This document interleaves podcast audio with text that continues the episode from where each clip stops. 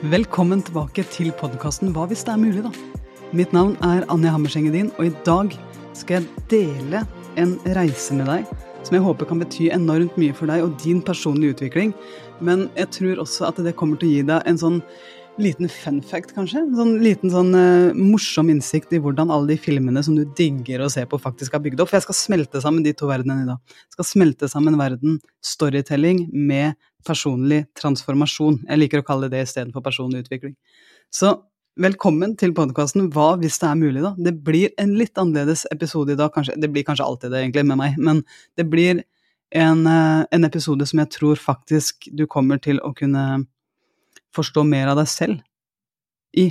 Jeg tror det her er en episode som du kommer til å virkelig forstå at hvis du står fast i noe, hvis du virkelig kjenner at ja, jeg blir testa på et eller annet, eller jeg, står, jeg er stuck, jeg vet ikke hvordan jeg skal komme meg et steg videre, så kan du stille deg sjøl spørsmålet hva hvis det er mulig at jeg bare egentlig er midt i min egen reise?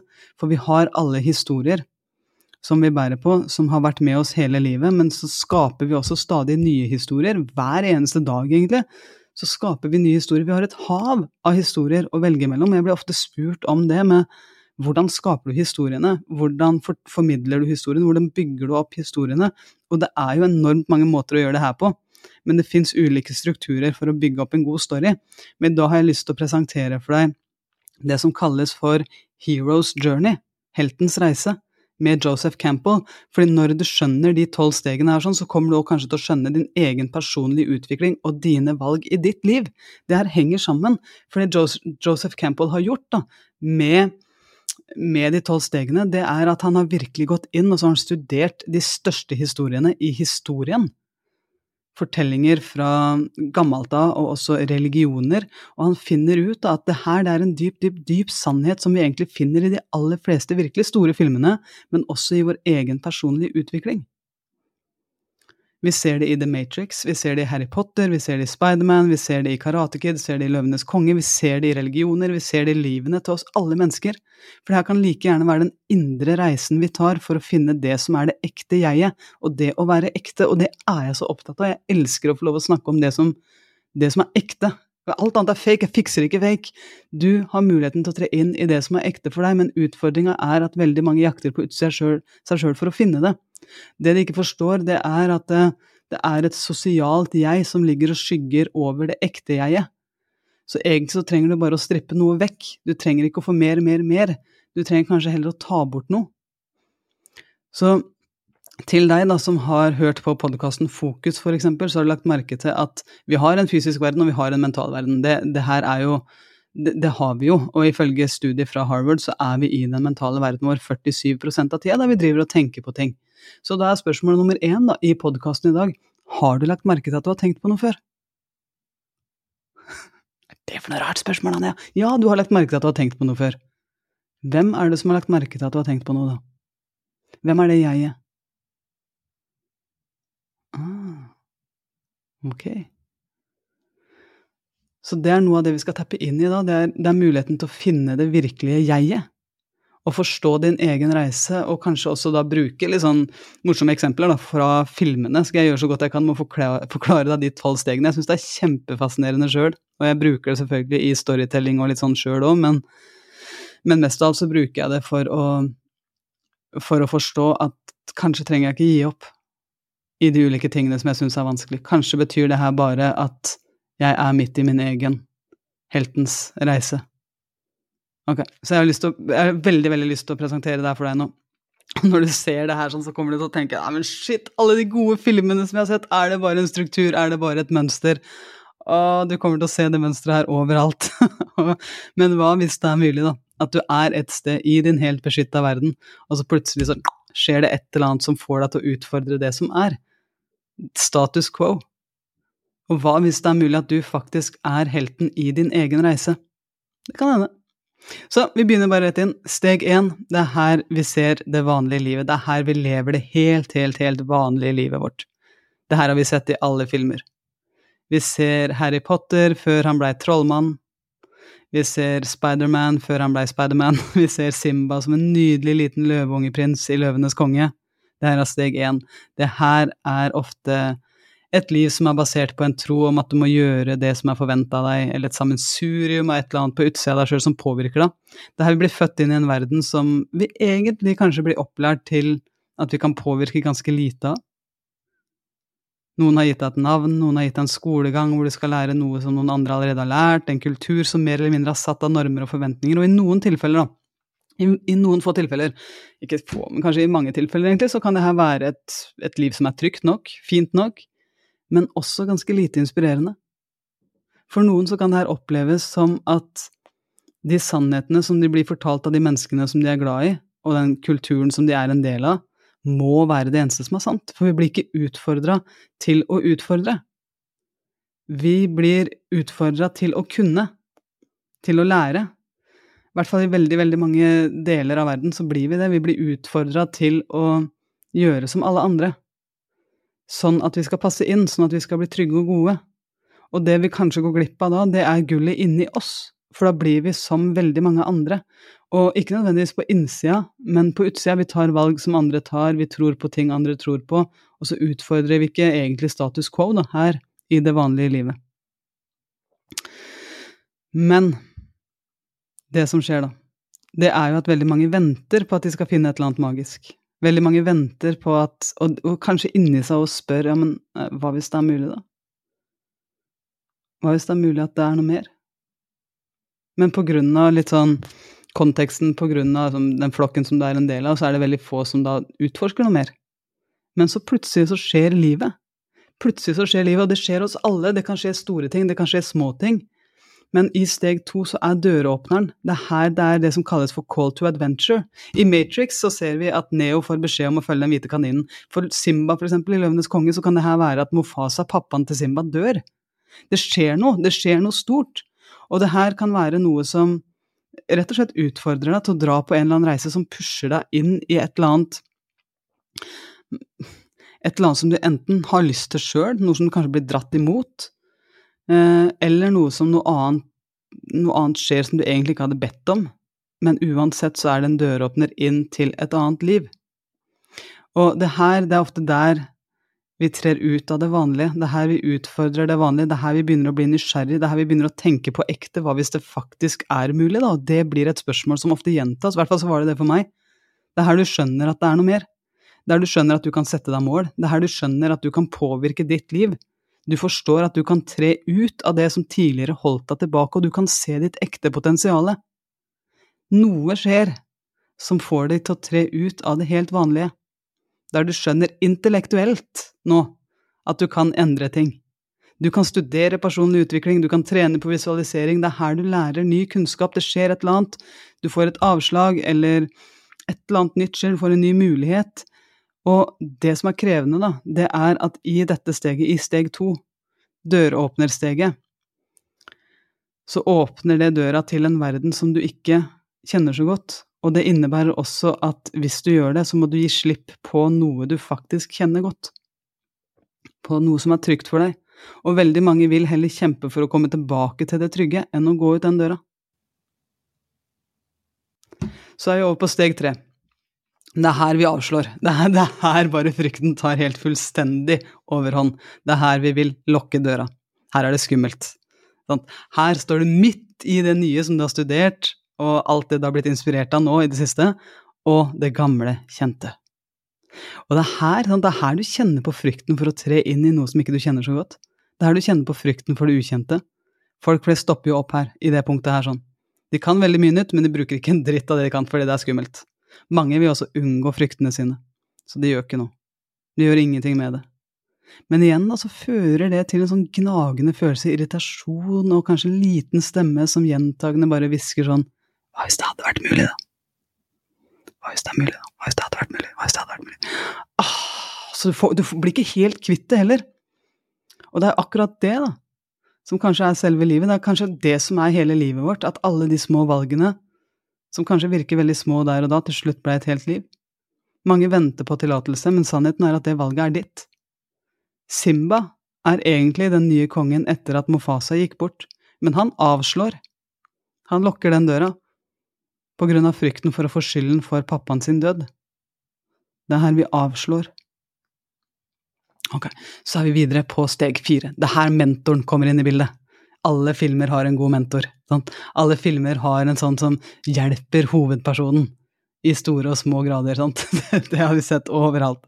Så her har du kanskje brukt litt tid på å finne veldig gode unnskyldninger da, i steg fire eh, på hvorfor du ikke skal gå gjennom den døra, men så møter du den her mentoren din, da.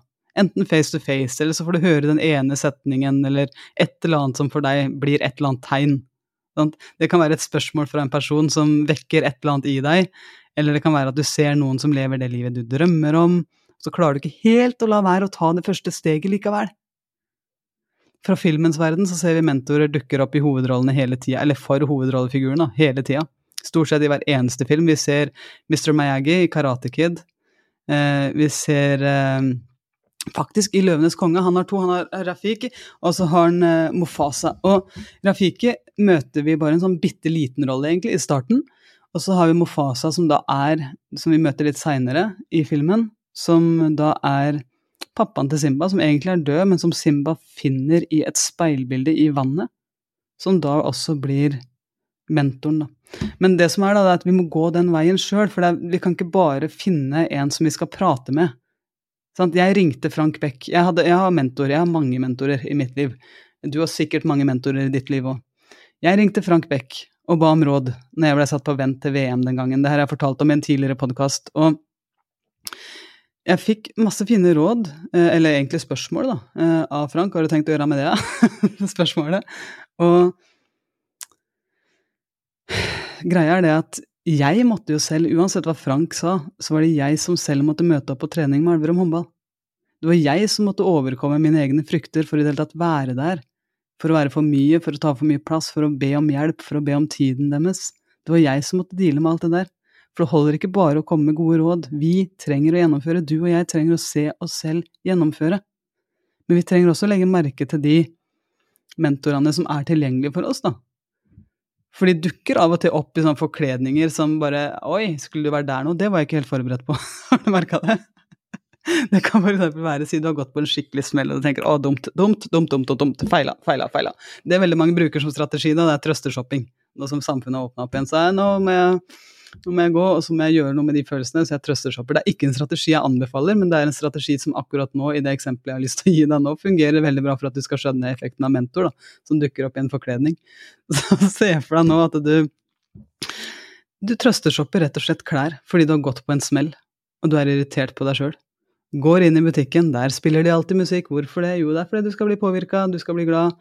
Og så dukker den sangen her opp. I get knocked down, but I get up again. Na, na, na, na, na, na, na. Og så sier du Hæ? Ja, jeg har Det er jo meg! Den, de synger til meg!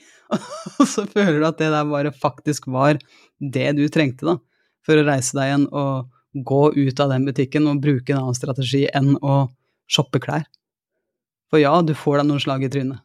Ja, livet kommer til å rett og slett nokke deg litt ned, men du kan reise deg igjen. Og det var kanskje den du trengte da. Så mentorer, de, de kan de kan liksom vise seg for oss i store og små eh, ja, situasjoner i livet, egentlig. Men det her kan også være en som du har studert, og som du velger å plassere i din mentale verden. Og nå begynner det å bli litt sånn Anja, det her ble rart. Det. Nei, nei, nei, det ble ikke det. For hvis du tenker deg om nå, du har hele tida mennesker i din mentale verden uansett. Har du merka det? Nei, det har jeg ikke merka, Anja. Har du, koll til det? Jo, du har det. Det som er at Hvis du har prata med noen i en telefonsamtale, og du ikke helt var fornøyd med måten du sjøl argumenterte i den telefonsamtalen, så er sjansen veldig stor for at du bare du, du, du, tar med deg personen opp i din mentale verden og fullfører samtalen der oppe. Kjenner du deg igjen? Du gjør det. Nå har du mye bedre argumenter, og du kan stå der sånn og du kan prate med dette mennesket, og i noen tilfeller så kan du til og med høre at det mennesket prater tilbake til deg og har sine argumenter, og så har du dine, og så skjer det ganske mye i den mentale verden. Eh, som heldigvis bare du kanskje legger merke til at skjer, da. Men i og med at vi har den evnen, vi har den evnen til å plassere folk i den mentale verdenen vår, hva hvis det er mulig å bruke det til en fordel? For om du ikke har muligheten til å ringe Frank, om ikke du har muligheten til å ja, til å få kontakt med de mentorene som du vet faktisk kunne hjelpe deg akkurat der og da, så kan du lage dine egne. Og jeg studerer jo enormt mange mennesker. Jeg elsker å fylle opp min mentale verden med biografier, med ja, med dokumentarer, med mennesker som, altså, som, skriver noe som jeg elsker å lese eller høre på på lydbok, podkaster. Jeg elsker å lære av andre mennesker som er mine mentorer. Så jeg har jo med meg Jeg har Steve Jobs, han er veldig ofte i min mentale verden, som jeg av og til ber om råd fra når jeg står fast i et eller annet konsept som jeg skal utvikle. Jeg har Opera, jeg har Buddha, jeg har Vishen Lakiani, jeg har Jay Shetty, jeg har Kobe Bryant, jeg har Ellen DeGeneres, jeg har Michelle Obama, jeg har Gro, Gro, kona mi, er ofte innom der. Og det her er alle mennesker som jeg beundrer, og som jeg har lyst til å ha i min mentale verden som rådgivere. da. Og det som er veldig spennende med det her, sånn, det er at når jeg lukker øynene, eller bare går rundt med øynene åpne, så kan jeg se for meg at jeg prater med dem. Det høres veldig rart ut, jeg vet det, men det funker. Og jeg skal være helt ærlig, min imaginære Kobe Bryant gir meg svar som jeg helt ærlig ikke helt er i stand til å finne sjøl. Men med hans mindset så kommer jeg på helt nye ideer, helt ny styrke, helt ny måte å angripe situasjoner på. Så hei, bare test det ut! Det er ingen som merker at du gjør det uansett. Det er jo ikke det. Det er det som er sant. Så det jeg skjønner, da, det er at uh, hvis jeg bare later som at jeg i min mentale verden prater med en av de her sånn, så får jeg noen helt andre svar enn hvis jeg skal prøve å tenke de ut sjøl. Hva ville han sagt nå? Det er kjempespennende, i hvert fall. Men vi har mentorer, og det finner vi også i alle filmer. Og de mentorene de får oss veldig ofte på rett spor. Sånn, de hjelper oss. Så, så, det er viktig for meg å poengtere da, hvis du skal plassere noen mentorer i den mentale verdenen, så please plasser en som faktisk hjelper deg. det kan også være en som utfordrer deg, så klart. Jeg, jeg hører fortsatt Frank Beck, jeg har jo tenkt å gjøre med det, han, ja. Han er ikke her i fysisk person lenger, men han er i min mentale verden, og han utfordrer meg. Men da går vi videre til punkt fem. Ingen vei tilbake. Point of no return. Mm. Det er her du skjønner at det faktisk er to ulike verdener. Det er en verden på innsida av deg sjøl, og en verden på utsida av deg selv. En fysisk og en mental verden. Og det her det er også stadiet hvor noen begynner å meditere, for eksempel, i sin personlige utvikling, eller begynner å jobbe med sin personlige utvikling i form av ja, begynner å jobbe med mindset-trening, eller de skjønner i hvert fall at livet blir aldri det samme igjen. Det er helt nye perspektiver, det er helt nye sannheter, det er helt nye innsikter som åpner seg. Og i filmene så er det her stadiet hvor helten går fra den helt vanlige verden til den ekstraordinære verden. For veldig enkelt forklart så er det det det egentlig er. Du begynner i den vanlige verden, du går over i den ekstraordinære, og så er du tilbake i den vanlige verden på slutten. I Løvenes konge så er det her stadiet hvor Skar overbeviser Simba om at han bør rømme langt, langt, langt vekk, sånn at han ikke skal få skylda for Mofasas død. Men det er her eventyret starter. I vår verden så kan det her være at du for eksempel begynner å virkelig nå jobbe med deg sjøl. Du ser en liten bit av hvem du egentlig er, hva som egentlig er ekte for deg, du ser din sannhet. Og det er her, da. Når du først har fått en smakebit av det her, at det er ingen vei tilbake, for det her er stadiet hvor du bare skjønner at det er så godt å være. Det er stadiet hvor mange virkelig går den reisen med seg selv og oppdager at de nærmeste kanskje ikke egentlig er like gira på å ta den reisa. Det her er noe du gjør for deg, fordi du vet at det her er riktig for deg. Det kan være idrettsutøveren som takker ja til et topptilbud, selv om de andre på laget ikke fikk den muligheten. Men idrettsutøveren velger å reise videre. Det er ingen vei tilbake, du har skrevet under på kontrakten. Det er her du facer det du vil, samtidig som du vet at det innebærer at du også må si det her til de andre menneskene som du er glad i. Det her er det som er viktig for meg. Du skjønner at det er ikke noe vei tilbake, jeg har sett sannheten min, det her er det, jeg må gjøre det her. Jeg må gjøre det her for meg. Og her, her blir vi også litt møtt med noen indre konflikter, og vi blir også møtt med noen følelser av at vi kanskje må Vi må skille mellom Gjør jeg det her for av egoistiske årsaker? Eh, og så må vi skille mellom det og selvutslettenhet, da. Sånn at det her vi blir konfrontert med alt det som har med egoet vårt å gjøre, egentlig. Og så blir vi videre konfrontert med det i punkt seks, for det er her vi får testen. Det er her vi møter nye venner, får nye allierte. Det er her vi kjenner at vi også kanskje etter hvert får noen som utfordrer oss, kanskje noen fiender. Fra filmen så er det jo fiender, da. Men det er her helten, i hvert fall, da, lærer reglene i den nye verden. Det er her vi blir testa. Både i ferdigheter, men veldig også, også mentalt, da. Eh, idrettsutøveren som bytter klubb, blir jo definitivt testa i ferdighetene sine. Han blir testa i er jeg god nok til det nivået her, og hva trenger jeg å utvikle for å komme opp på det nivået som de andre nå er på, men blir også testa mentalt. Sånn, hvor utålmodig er jeg i min utvikling?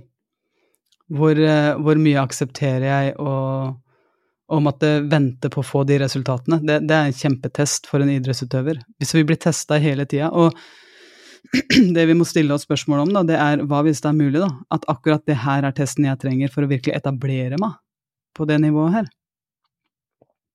For her er det veldig mange, i det stadiet her, så er det mange som kikker tilbake og lurer på åh, hvorfor starta jeg, hvorfor gjorde jeg det her, hvorfor kunne jeg ikke bare blitt værende der jeg var?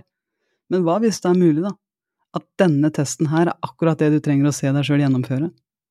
Dette er stadiet du legger grunnlaget for styrken du trenger i det som kommer. For det her mest sannsynlig er bare en første test, og det er det her jeg elsker med Heroes Journey. Det er at eh, mange får lyst til å gi opp her, men når du vet alle tolv stega, når du kjenner til Heroes Journey, så kan du hele tida tenke at ja, men jeg er bare på steg seks. Det her jeg skal bli testa.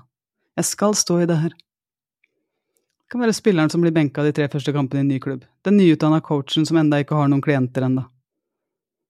Kjenne på utålmodighet, kjenne på kjappe resultater. Vi er vant til hele tida å skulle leite etter de kjappe resultatene, og det kan være krevende. Det kan være meninga at det skal kreve noe av deg òg. Det kan være krevende at uh, ikke du har de resultatene du vil enda. Og hva hvis det er mulig, da? At du faktisk nå finner en styrke der som tidligere ikke trengte å vise fram. Så for meg så har de testene her vært enormt mye bedre å stå i når jeg vet at de kommer. Og når jeg vet at det mest sannsynlig bare er en del av reisen. Jeg er bare på steg seks i min egen reise. Så Simba han finner jo her sånn, så finner han nye allierte. Han finner nye venner, Timon og Pumba, og lærer seg reglene i din nye verden. Og for en idrettsutøver så finner han nye, nye lagkompiser som han lærer av, ser seg sjøl vokse med. For en coach så kanskje hun tar kontakt med andre coacher. Eh, det er her sånn du virkelig nå du finner de nye menneskene som kan hjelpe deg opp det nivået som du trenger å være på, da, som du har lyst til å være på. Så punkt syv, neste steg etter det her. Det har blitt testa en liten minitest i, i, forkant, men det er her vi går inn i det som kaller den mørke hula. Det er her vi facer sannheten. Og det her kan representere ekstremt mye. Det kan være et fysisk sted som du faktisk oppsøker, noe som skremmer deg litt, eller det kan være noe inni deg som du ikke har facet ennå. Det er her du jobber med det som virkelig er den avgjørende faktoren for å kunne gjøre den transformasjonen som du drømmer om. Her er det litt skummelt å være. For Simba så er det her stadiet hvor han også blir testa. Nala kommer tilbake og forteller Simba hva som Skar har gjort med hjemlandet sitt. Simba syns det er helt forferdelig, men han vil ikke tilbake. Det stadiet her, det er et sterkt møte med å face fryktene dine. Kanskje til og med også noen hemmeligheter, noen overbevisninger. Jeg hadde den her når jeg dro på ti dager i stillhet. Jeg var så redd for hva jeg skulle finne dypt inni meg når jeg skulle meditere i over 100 timer på ti dager. Det var ingen fluktveier, det var ingen å prate med, ingen øyekontakt, det var kun meg og mitt møte med mitt indre, det var ingen distraksjoner. Og i filmene så ser du den transformasjonen at alt du frykter, er noe som du faktisk facer. Du tar bort lag på lag. Det er det her jeg mente i starten, når du faktisk tar bort de lagene. Og til slutt, da, så har du jobbet med så mye av det som har skygget over det som har vært det ekte deg, at du sitter igjen med å faktisk finne skatten. Det er nå du virkelig bryter gjennom det du frykter mest. Og det er nå du ser din største gevinst. Det er her du vokser. Mange tror at gevinsten er opprykket på jobb, høyere lønn eller gullmedalje. Det kan være fint, det òg, altså. Det er ikke det. Men det er når du har alt det der, og i tillegg ekte frihet på innsida. Du er ikke redd for noe lenger, for du har faca det. Da er det godt å være der. Men det her steget, det er krevende. Det her krever enormt mye av oss. Og det er også kanskje derfor vi kaller det nettopp for heltens reise, da. Du må være villig til å spille ut rollen som helt.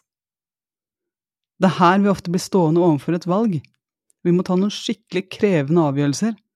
Det her er steget for mot, ekte mot. Ekte mot til å se muligheten til å kikke innover. Mot til å se hva som er inni meg, hva som styrer meg på ekte, hva som faktisk styrer meg. Hva er mine frykter? Hva er mine overbevisninger, hva er mine irritasjoner, sinne, hva blir jeg sint på, hva er mine frustrasjoner? Sånn, Hvordan dømmer jeg meg selv? Hvordan dømmer jeg andre mennesker? Hva er mine hemmeligheter? Hva er min skam? Og så videre og så videre. Det er her vi opplever alt det som vi har forsøkt å gjemme i den mørke hula vår. Og vi facer det, og det er krevende. Men så kommer vi til steg åtte, og det er det som er så fint, da. At det som virker så mørkt, det er kanskje derfor de kaller det den mørke, mørke, mørke hula. Det er jo fordi at det oppleves, det oppleves tungt, det oppleves kanskje litt mørkt for noen, men det er også en sånn enorm frihet. Det er en enorm frihet i det. Og i punkt åtte så får du da den ultimate testen. Det er her du får muligheten til å bruke alt du har lært. Det er her du ser at kampen hele tida har vært inni deg. Det er her du ser at du kan overkomme den frykten der. Da kan du oppleve frihet på innsida. Og du ser det at uh, den frykten, den kamuflerte egentlig bare for det gullet som er på innsida av deg. Og ofte så er det her punktet hvor du faktisk finner ro. Du finner ro med det som er litt større. Kanskje til og med ro til å leite etter kjærligheten og læringa i det som har vært. For Simba så er det her å face sannheten. Han facer jo nå at det han egentlig har rømt fra, det er skyldfølelsen for at Mofasa er død. Så hva er det Hva er det her for deg? Hva er det som Hvis du bare hadde gitt slipp på det, hva kunne gitt deg ultimat frihet da? Hvis du er helt ærlig. Hva er det som kunne gitt deg den ultimate friheten? Hvis du bare kunne for et lite øyeblikk gitt slipp? Og med det så mener jeg ikke lat som at ikke det er der, for du må face det, det må inn i hula. Hvis ikke du har faca det ennå, inn i hula. Når du har vært der og faca det, hva hvis det er mulig å bare gi litt slipp? Belønningen, det er da punkt ni. Og nå ser du effekten. Sant? Nå er du ikke lenger i en kamp, nå er du åpen, nå er du fri på innsida. Og du har lært så mye nå at du faktisk er klar for å face det som du tidligere har rømt fra. Simba, for eksempel, løvenes konge igjen, skjønner at han nå kan returnere til sitt hjemland. Og han skjønner at han nå er sterk nok til å face Skar, han er sterk nok til å innhente sin egen fortid. Han er ikke lenger, lenger redd for det store, skumle som tidligere var styrte så mye. Og det er akkurat det samme for oss, vi er ikke lenger redde for det store, skumle som tidligere styrte så mye. Det er her vi husker hvem vi egentlig er. Bak alle laga av beskyttelse som har styrt oss så enormt lenge, det er her vi ser livet gjennom ro, hjertet vårt og en tilstand som plutselig blir ekte. Som du kanskje bare har hørt om, som en illusjon, og så innser du nå at det er noe som faktisk er ekte, da. Noe du faktisk opplever. Og det er ikke sånn at det, eh, det er noe som skjer uten det andre. Alt kommer, og alt går over. Men det her er en tilstand som vi nå har fått oppleve. Og mange jobber liksom for å komme tilbake hit, for den er så, den er så fantastisk, da.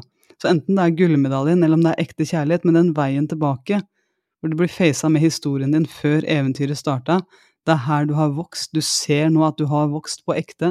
Du har lært så mye at du nå tar helt nye valg.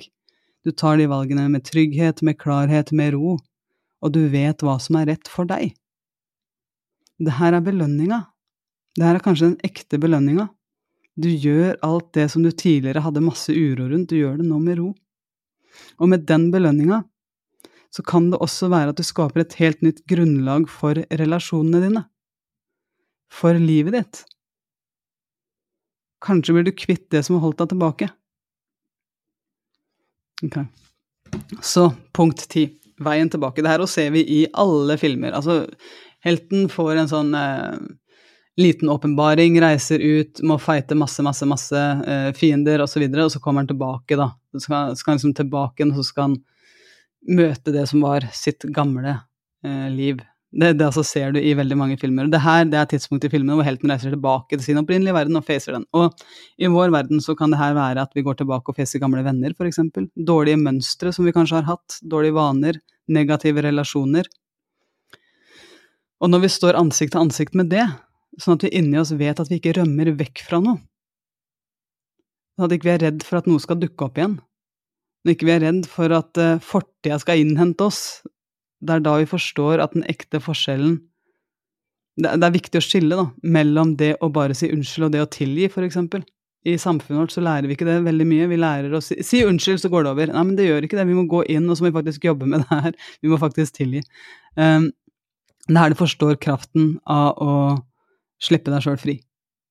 Og det er her vi ser Simba kommer tilbake til landet som han tidligere forlot, og så ser han også hvordan Skar har ødelagt det. Men han kommer jo tilbake dit med helt ny styrke. Han kommer tilbake dit fordi at han nå har, han har jobba med alt det som tidligere har gjort han til en mindre utgave av seg sjøl. Nå er han sterk. Så nå er vi på punkt 11. Oppstandelsen, kaller vi det. Det kan fortsatt være kaos rundt deg, men du agerer nå fra et sted av ro. Klokskap, ekthet. Det her er punktet hvor du nå, på en måte med, med alt det nye du har lært da, om deg selv og verden rundt deg og alt det der sånn, du bruker det inn i en test. Du, du blir testa mest sannsynlig en siste gang. Du bruker det nå i store og små tester, i store og små øyeblikk i din hverdag. Så kan du nå bruke alt det du har lært, alt det som har fått deg til å vokse. Det kan du se deg selv nå løse med en helt annen integritet. Det er en ganske deilig greie.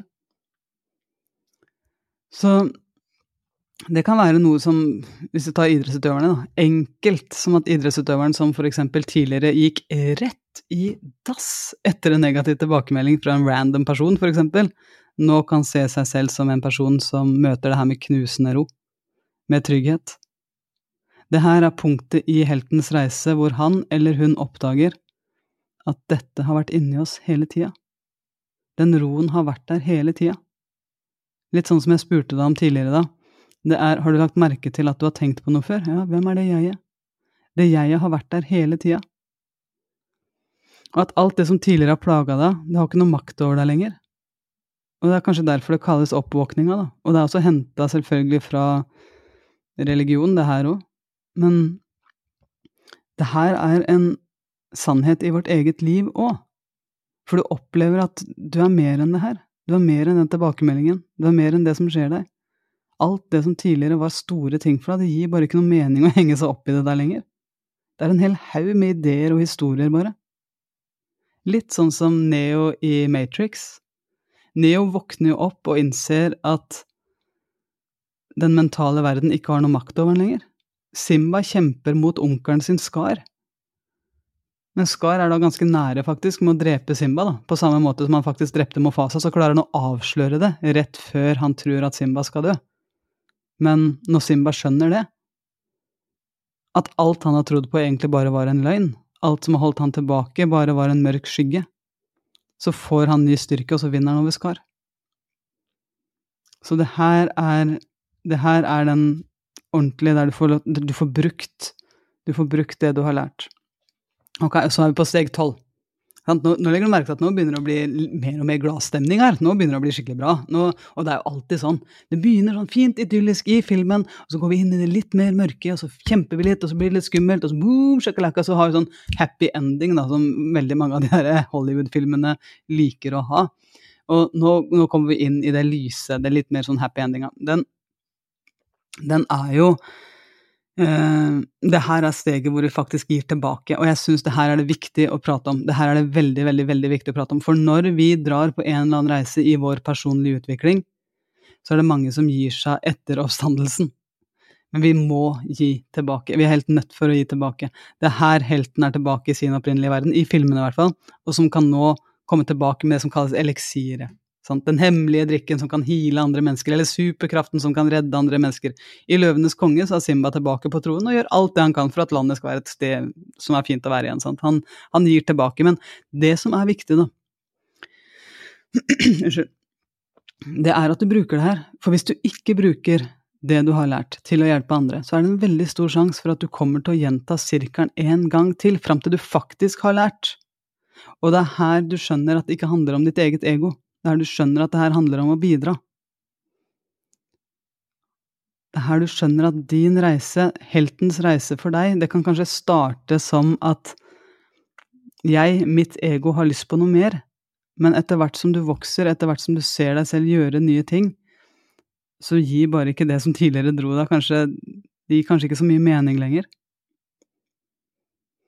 Eh, det, det som ofte skjer, da, det er at eh, nå, skal, jeg si noe som jeg håper at du misforstår helt riktig. Det som ofte skjer, det er at noen opplever en helt enorm transformasjon inni seg sjøl. Og så går de rett i action og blir superhelten.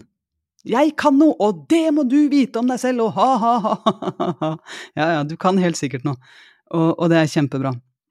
Og jeg er kanskje litt sånn sjøl, siden jeg holder den podkasten her og appen vår og alt det der sånn, men du har valgt å lytte, så du har gitt meg nå tillatelse. Og personlig så er jeg veldig stor fan av tanken om at jeg trenger ikke å kaste penger, mat og livsråd rett i trynet på folk som ikke har bedt om det. Jeg kan heller være eksempelet. Jeg kan oppmuntre andre, jeg kan introdusere folk for hverandre, jeg kan inspirere, ikke bare ved å vise hvor god jeg er, det er ikke poenget her. Jeg kan inspirere ved å trigge hva hvis det er mulig, da? Spørsmålet inni deg. Men når du gir tilbake, så vil du merke at du Du vil nok en gang da bli konfrontert med er jeg for mye? for, for, noen i hvert fall så er det sånn ja, men kan jeg gi tilbake? Må jeg lære bort? Er det egentlig viktig at jeg gjør det her sånn for andre mennesker? Um, jeg tror egentlig at uh, vi der trenger en liten metafor på det her. Verden trenger deg. Hvis du har oppdaga noe inni deg som er viktig for andre mennesker, og du har tillatelse til å gi det videre, så gjennomfør det. Det er, det er veldig lett å tenke sånn ja, men jeg, jeg, lille jeg, hva kan jeg gjøre, da? Det er jo ikke så viktig med å gi tilbake hele tida. Mm. Nei. Se for deg at du går på en strand. Du er helt aleine på den stranda, og du går, og det er sånn, det er deilig vær, du bare, står, du bare går og koser deg, egentlig. Og så plutselig så hører du noen rope hjelp. Hjelp! Hjelp! Hjelp! Hjelp! Hjelp! hjelp, hjelp! Så kikker du ut i vannet, og så ser du at det er en som skikkelig sliter der ute. Hva gjør du? Blir du stående og tenke hm, er det noen andre her? Eh, er det meg den personen egentlig vil ha hjelp av? Har jeg den teknikken som, som kreves for å hjelpe den?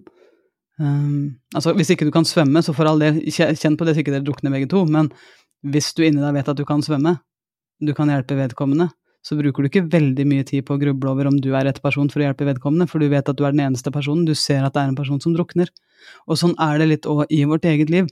Det er et hav av mennesker som drukner rundt oss. Det er derfor jeg ikke kan vente med å gi meditasjon og mindset videre. Fordi, ikke fordi at jeg skal booste mitt eget ego, men fordi det er viktig for meg å, å, å hjelpe mennesker som er mottagelige for det her, som vil gjøre noe med det her sånn, fordi jeg ser at det er så mange som drukner. Og jeg kan bidra. Og det her er ikke sånn at å, det, å, nå er jeg så mye større enn alle andre. Nei, jeg tror du kan bidra òg. Jeg tror at vi alle må bidra, fordi det er folk som drukner rundt oss, og vi har ulike spisskompetanser. Det er mest sannsynlig opptil flere av disse historiene her sånn allerede hvor du har sett et menneske som drukner. Så aldri la noen, det her jeg har sagt før, men aldri la noen på det nivået du er nå, få makta til å pushe deg vekk fra ditt neste nivå. For det her kan i vår verden være ro, integritet og hjelpe andre til å vokse òg.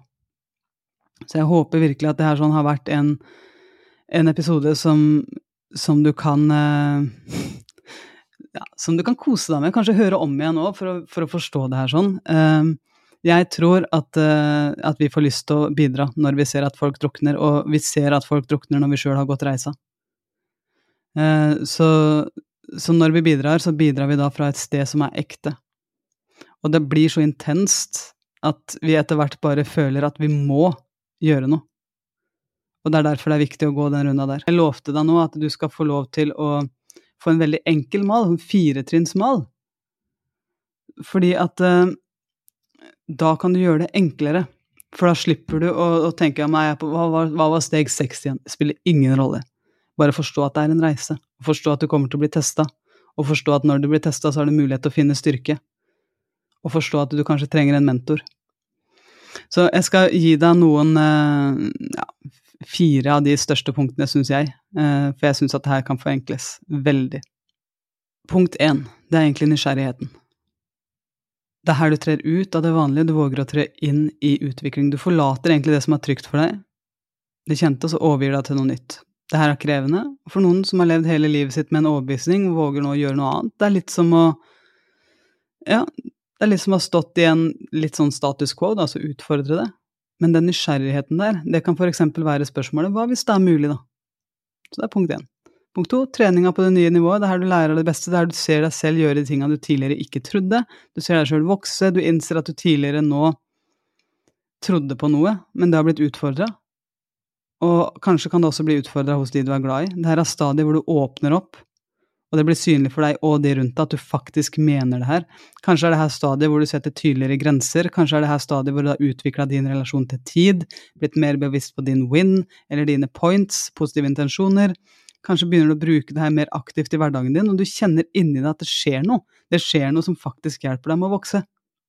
Her snakker du med andre mennesker, utvider sirkelen din, du jobber kanskje med en coach eller begynner å meditere, eller lærer bare masse nytt, egentlig, om deg sjøl og verden rundt deg. Og så er det transformasjonen, da. Det er her du eier det nye nivået. Der du bruker det du har lært. Du gjør ting annerledes enn tidligere. For en idrettsutøver kan det være å håndtere feil, nervøsitet, skadesituasjon. Og så kommer du inn i det å gi tilbake. For hva hvis det er mulig at du faktisk kan gjøre en forskjell for andre? Det her er du tilbake i ditt kjente nivå, nei, miljø, men nå med helt ny kunnskap, sant? Og du ser at mennesker trenger det du har lært. Du ser at du har noe i deg som mennesker trenger. Så egentlig så kan du forenkle de tolv stega til de fire som jeg sa nå. De fire nivåene som jeg oppsummerte det her med, de har også ulike nivåer. Det er en sirkel som fungerer på det nivået du er nå, men når du har gått en første sirkel, så vil du mest sannsynlig ganske snart tre inn i sirkel nummer to igjen. For du, du, blir sulten på å finne ut mer. Du blir sulten på å ta det neste steget. Du blir sulten på å kunne være en person som kan gi enda mer tilbake. Ikke for å booste ditt eget ego, men fordi du ser at noen drukner. Så sånn sett så vokser vi egentlig som mennesker hele tida. Hva hvis det er mulig, da? Tusen takk for at du hørte på podkasten i dag. Eh, jeg er ekstremt takknemlig for at du var med. Jeg vet at dette ble en litt lengre episode enn vanlig, eh, men jeg syns det var verdt det. Jeg syns det var gøy å dypdykke litt ordentlig inn i det her. Det her er også noe som det går an å lage en ordentlig dypdykke ordentlig ned i. Eh, alle tolv trinnene, eller i hvert fall de fire trinnene som man kan oppsummere det med. Da. Og så lage liksom workshop ut av. Det, det, jeg vil anbefale deg å gjøre det. Jeg vil anbefale deg å lese Way of Integrity med Martha Beck, eh, hvis du har lyst til å gå enda dypere inn i det her. Jeg vil anbefale deg å sjekke ut YouTube med Finding Joe. Eh, det er også det er en film som jeg elsker å se, syns den er kjempefin. Der også har de en helt fantastisk historie i starten av den filmen med The Golden Buddha, blant annet, som, som jeg har lyst til å anbefale deg. Alexander Den Heier uh, har en fantastisk bok som heter 'Nothing You Don't Already Know', som jeg også anbefaler. Og hvis du er gira på å ta det her et steg videre med meg, så, så vil jeg anbefale deg selvfølgelig da appen Heart Mentality. Det er litt snikreklame for den her, sånn, men der, der, jobber vi jo med det her sånn, og det her er noen av de tinga som, som vi jobber med nå hver tirsdag klokka, klokka 21.00. Så hvis du har lyst til å bli med på det, så bli med inn i appen vår. Jeg syns det her er kjempespennende sjøl, og er så takknemlig for at, for at jeg kan få lov å være med på å gi det videre. Og jeg er stadig på nye reiser sjøl. Eh, jeg finner meg stadig vekk på, på steg seks og steg sju og steg åtte og steg ni, og heldigvis av og til da, på steg elleve og tolv òg, men, men det, det, er en, det, er noe magisk som skjer når vi våger å være nysgjerrig og, og lure på hm, hva hvis det er mulig, da?